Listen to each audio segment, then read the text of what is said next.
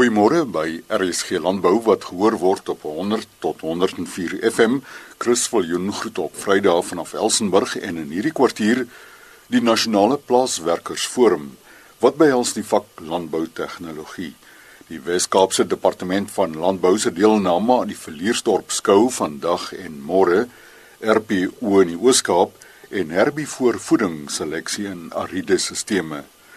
Eerste vanmôre Rita Andreas Sy is die woordvoerder van die Nasionale Plaaswerkersforum. Ek wil sommer net vanoggend van die geleentheid gebruik maak om baie dankie te sê vir al die produsente, al die uh, landbouers wat deelgehad het aan ons sportdag.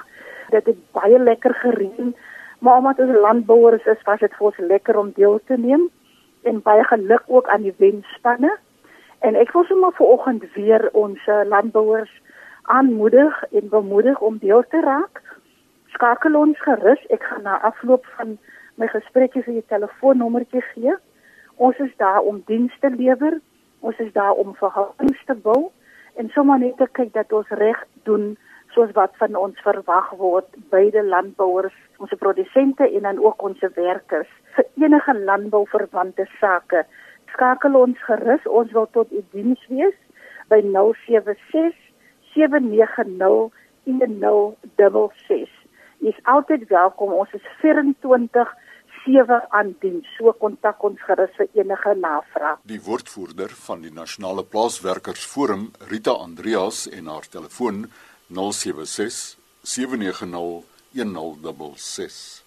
Johan Moelman is verantwoordelik vir die vak landboutegnologie by die Hoërlandbouskool Boland. Die vak landboutegnologie fokus op tegnologie wat in die landbou gebruik word die vak dek kennis hoe prosesse, gereedskap, toerusting, strukture en vaardighede deur boere benut word om voedsel en produkte te produseer deur van verskeie produksieprosesse gebruik te maak.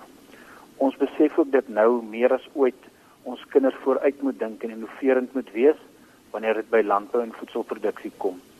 Ons probeer om ons seuns deur praktiese werk op die plaas en in ons werkswinkel blootstelling te gee aan vaardighede wat hulle kan help op die plaas en ook in die privaat sektor. Ons lei nie spesialiste op spesifieke areas op nie, maar probeer hulle aan soveel areas as moontlik blootstelling gee en hulle te wys hoe belangrik en interessant ons landboubedryf is. Ons probeer ook by Boland Landbou Skool om aktueel ten opsigte van die vak te bly en betrek soveel ons kan die privaat sektor om ons seuns te wys wat nou in die landboubedryf werk en watter neigings daar nou in spesifieke areas is.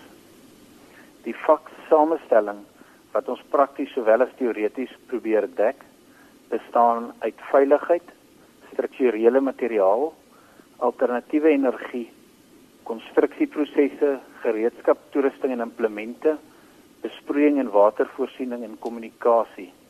Alles baie belangrike dele van ons landboubedryf. Ons is ook baie bevoordeel dat daar baie maatskappye betrokke is en probeer help om die landboubedryf meer toeganklik te maak vir ons kinders en onselfsugtig betrokke is by ons skool. Hierdie vak bied regtige geleentheid vir ons kinders om 'n stap in die regte rigting te neem ten opsigte van die behoeftes wat in landbou ontstaan het vir mense wat probleemoplossend en innoverend dink. Johan Wolman is landboutegnologie onderwyser by die Hoërlandbouskool Boland. Die telefoonnommer daar 021 869 8143. Verliersdorp Landbouskou begin later vanoggend en die departement van landbou in die Weskaap is een van die uitstallers oor die volgende 2 dae. Kommunikasiehoof van die departement, Petro van Rein gesels. Ons het 'n groot uitstalling waar ons ag van ons programme aan mense bekend gaan stel sodat mense kan bewus wees van watter dienste die departement lewer. Verder het ons ook 'n loopbaanuitstalling waar ons dan kinders van die omgewing sal aanlei vir al grade 9 en 11 om te sien watter loopbane daar moontlik in landbou vir hulle kan wees. Ons tegnologie uitstalling behels 'n nuwe innoverende tegnologie soos Cape Farm Mapper Fruitlook waar boere kan leer om regtig water te spaar deur besproeiing, ons Green Cape waar mense kan leer hoe om groente leef en groente boer vir die landbouwerkers in die omgewing het ons 'n werkswinkel wat ons gaan aanhou. Ons het ook 'n werkswinkel met kommersiële boere in die area waar ons 'n bietjie gaan luister wat pla hulle, waarmee kan die departement behulpsaam wees? Ook natuurlik eie aan daai area is appels. So ons het 'n appelpak kompetisie en dit lok gewoonlik baie toeskouers en dan het ons ook 'n trekkery kompetisie met die landbouwerker. Ons het ook as deel van ons uitstalling 'n waterbesparing sodat mense van die omgewing kan kyk werklik waar hoe ons in hierdie tyd van droogte die beste kan doen om water te bespaar en baie geleenthede kan sien wat hulle dalk nie voorheen aangedink het om water te spaar nie. Die datum is 13 tot 14 Oktober in Verliersdorp by hulle skougronde. Die hoof van kommunikasie van die Wes-Kaapse Departement van Landbou, Petro van Rein, François de Toey boer op die plaas Rodepoort in die distrik van Burgersdorp. Hy is ook voorsitter van RPO in die Oos-Kaap. Ons kusstreke het nou laat begin begin reën kry. Groei seisoen is egter op hierdie stadium 'n uh, bietjie kort, jy weet. En volumes van voer gaan gaan 'n probleem wees. Die binneland is kritiek tot katastrofies. Jy weet die, die oop waters uh wat die ou mense meeste op staat maak uh droog op uh en van hulle is al lankal opgedroog. Die ondergrondse water begin ook opdroog. Dan gaan dit oor die brande. Jy weet elke distrik in Oos-Kaap loop deur. Ons weet onlangs van Bakie wat baie baie erg loop weer geloop het in in hierdie stadium weet ek van brande in die Jamestown area, Steensburg area, Montino area produsente raak baie keer negatief, jy weet, en en dan wil ek graag net vir my boodskap gee, jy weet, net voor jy begin opgee moet jy stil word en en dan moet jy terugkyk. En dan sal jy ons Hemelse Vader se hand sien en alles wat wat daar is. En, en hy het ons nog nooit gelos nie, hy het ons nog altyd gedra. En ons sal weer hier deurkom. Dit ons vier identifikasie, wil ek 'n beroep op die produsente doen asseblief brand en tateer volgens die wetgewing. Dit is uiters belangrik, jy weet, ons kan nie verwag van die fisiese eenhede om ons vee terug te kry as ons dit nie merk nie. Ons ons Animal Health Forum het daar reg gekry dat Dr Pieter Vervoort uh, nou op die OBP se se raad is. Ons volmoed dat dinge baie goed sal gaan op hierdie stadium uh, met die voorsiening van van enstowwe af van onderste poort af. Brucellose kwessie, ek doen 'n beroep ook op die op die produsente om jou kudde te toets. Onthou hier is 'n kudde siekte. Ons biosekuriteit is baie baie belangrik. Ek weet die droogte het nou 'n baie groot invloed op die inbring van van voed en met met meegaande bosluise en uh, ander siektes so goed wat inkom. Spekulasie is op hierdie stadium ons groot, grootste probleem vir biosekuriteit. Beweging van diere onbeheerst in in die gebiede in. Uh daar is sekere gebiede wat nou al klagtes het van siektes wat nooit daarvoor gekom het nie wat nou daar nou wat nou daar is. Vir ons bokboere, die RPO is is in hierdie stadium in gesprekvoering met ook met die RMRD uh, om te kyk na na die kommersiële bemarking van bokvleis. Dis regtig 'n nismark en ons wil hierdie ons bokboere behulpsaam wees met met die kommersiële bemarking van van hulle vleis. Ons beesproduksie, die China protokol is reeds aan die gang. Baie goeie samewerking met die departement. Die drie abattoirs uh, wat geoormerk is vir uitvoere is reeds aan die gang. So ons is op hierdie stadium eerste keer 'n netto uitvoerder van rooi vleis in, in ons land. Dit is ons baie goeie nuus is. Ons het egter probleme met ons grensgebiede en ons is hard in gesprekvoering met die departement rondom hierdie ding sodat uh, wanneer die OAI kom weer en en die Europese Unie met inspeksies dat ons wel hierdie toetse goed verslag. Ons het egter probleme, maar ons doen ons uiterste bes met ons uh, onderhandelinge met met die departement.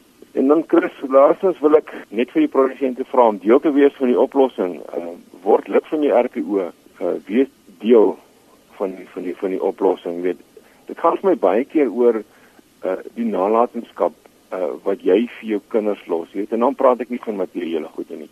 Ek praat van ware sisteme wat jy agterlos want dit is die goed wat jou vooruitloop waardestelsels. Wie is deel van die oplossing. Moenie op die kant staan en net kritiseer nie. Ons maak foute. Dit is so. Dis 'n gegewe. Maar kom wees deel van die span en wees deel van 'n wenspan. En dan kan ons die rooivleisbedryf veral in ons provinsie, die grootste provinsie met die meeste rooivleisprodusente en die meeste diere, kan ons regtig vooruitvat. Die voorsitter van RPO in die Oos-Kaap, François de Toey, by die Nelson Mandela Universiteit se George Campus, maak ons vanoggend kennis met Dr. Jan Venter programkoördineerder natuurbewaring en wildplaasbestuur. En hy gesels oor 'n studie van 'n MSc student Mika Vermeulen oor herbivoor voedingsseleksie in ariede sisteme. Sy het die seisonale dinamika van hoefdierdieete ondersoek en in twee verskillende ariede biome daarna gekyk. Die Nama Karoo biome en dan ook die ariede savanna biome. Die aride savanna biome is 'n droë vorm van die savanna biome wat meestal die Kalahari insluit. En eintlik wou ons sien of die hoefdiere hulle dieete nie net seisoonaal verander nie, afhangende van reënval, maar ook of daar verskil is in die eet tussen twee verskillende biome. Ons het 'n verskeidenheid hoefdierspesies by die studies ingesluit, van so klein as steenbokke tot so groot as kameelperde.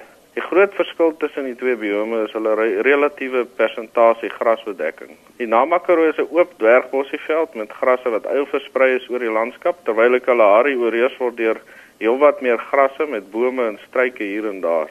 Ons studiearea in die Karoo was die Karoo Nasionale Park buite Beaufort Wes en uh, in die Kalahari was die Tswalo Kalahari Wildreservaat naby Kuruman. Om die samestelling van die hoefdiere se dieet te bepaal, het ons vasmismonsters versamel en die mis is oor 3 seisoene versamel. Die droë seisoen, Junie tot September, vroeë reenseisoen is Oktober tot Januarie en die later reenseisoen Februarie tot Mei. Hierna is die monsters na die laboratorium geneem waar dit geoondroog is en na 'n isotoop laboratorium by die Universiteit van Pretoria gestuur waar koolstof-isotoop analise uitgevoer is. Koolstof-isotoop analise is 'n prosedure wat die relatiewe verhoudings tussen C4 grasse en C3 plantvorme in die dier se dieet bepaal.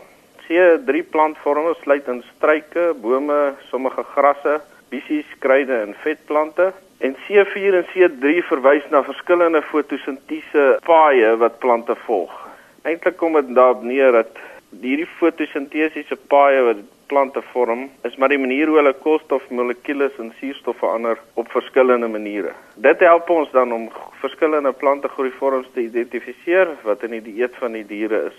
Daaruit kon ons 'n uh, relatiewe sekerheid bepaal hoe diere grasvreters is, gemengde vreters, met ander woorde eet gras en ander plantvorm of net blaarvreters soos houtagtige plante en kruide ensovoorts. Tsessibi, rooi robok, vlakte zebra val um, almal in grasveter groeperings en rooi hartebees en bergsebra was die twee uitsonderings in hierdie geval. Hulle was albei grasvreters in die Kalahari, maar in die Karoo het hulle hulle dieet gemeng.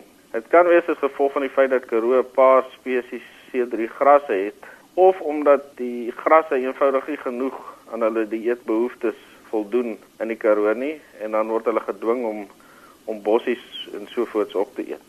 Gemsbok en blouwillebeeste het hulle dieete gemeng um, in al twee areas. Hulle was dis nie suiwer grasvreters nie en springbok wat gewoonlik houtagtige plantvreters is, het actually sekere individue het albei C3 en C4 plantvorms gebruik. So daar was nogal redelik variëteit in hulle dieet. Eland volg gewoonlik 'n streng C3 dieet in die Karoo, maar um, in die Kalahari het hulle actually baie um, gras ook geëet. Rooibokke, steenbokke, gewone duiker, kameelperde, kudus, klipspringers en grysbokke was almal C3 dominant en dit was nou nie 'n verrassing nie. Ons het ook na sy seisonale dieetsamestelling dieete gekyk.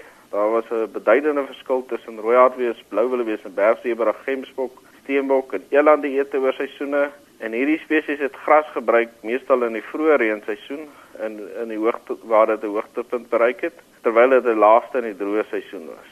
Dit het 'n trekking op die spruit van hoogsmaaklike C4 grasse na die eerste reën en dan die algemene afname daarvan soos die droë maande aangaan. Die bydrae van gras tot die eet van hoefdiere in die Kalahari was oor die algemeen hoër in die Karoo, iets wat ou natuurlik sou verwag. Gedurende die droë seisoen was C3 inname hoër in die Karoo. Wat interessant was en uitstaan in hierdie studie is dat sekere hoefdiere wat tradisioneel as grasweters beskou word, soos rooihartebees en blouwillebees en bergsebra, kan aanpas by hul omstandighede en dis veerkragtigheid het om aan te pas by invloede soos klimaatsverandering. Oor herbivoor voedingsseleksie en ariede sisteme het gesels Dr. Jan Venter van die Nelson Mandela Universiteit se George Campus. Dan in RSG Landbou môreoggend om kort voor 12 verneem ons van die vele gebruike van 'n hommeltuig of so sommige dit 'n drone noem op 'n skaapplaas in die Groot Karoo. Onlangs byvoorbeeld het die Fidistalie net my gevra dat ek die hameltuig moet bring waar hulle vermoed gehad het dat daar vee gesteel is en hulle het 'n plek aangedui waar die gesteelde vee kan wees. En uh, met die hameltuig die skaap gaan bymekaar maak in die kamp waar hulle vermoed die gesteelde ram was.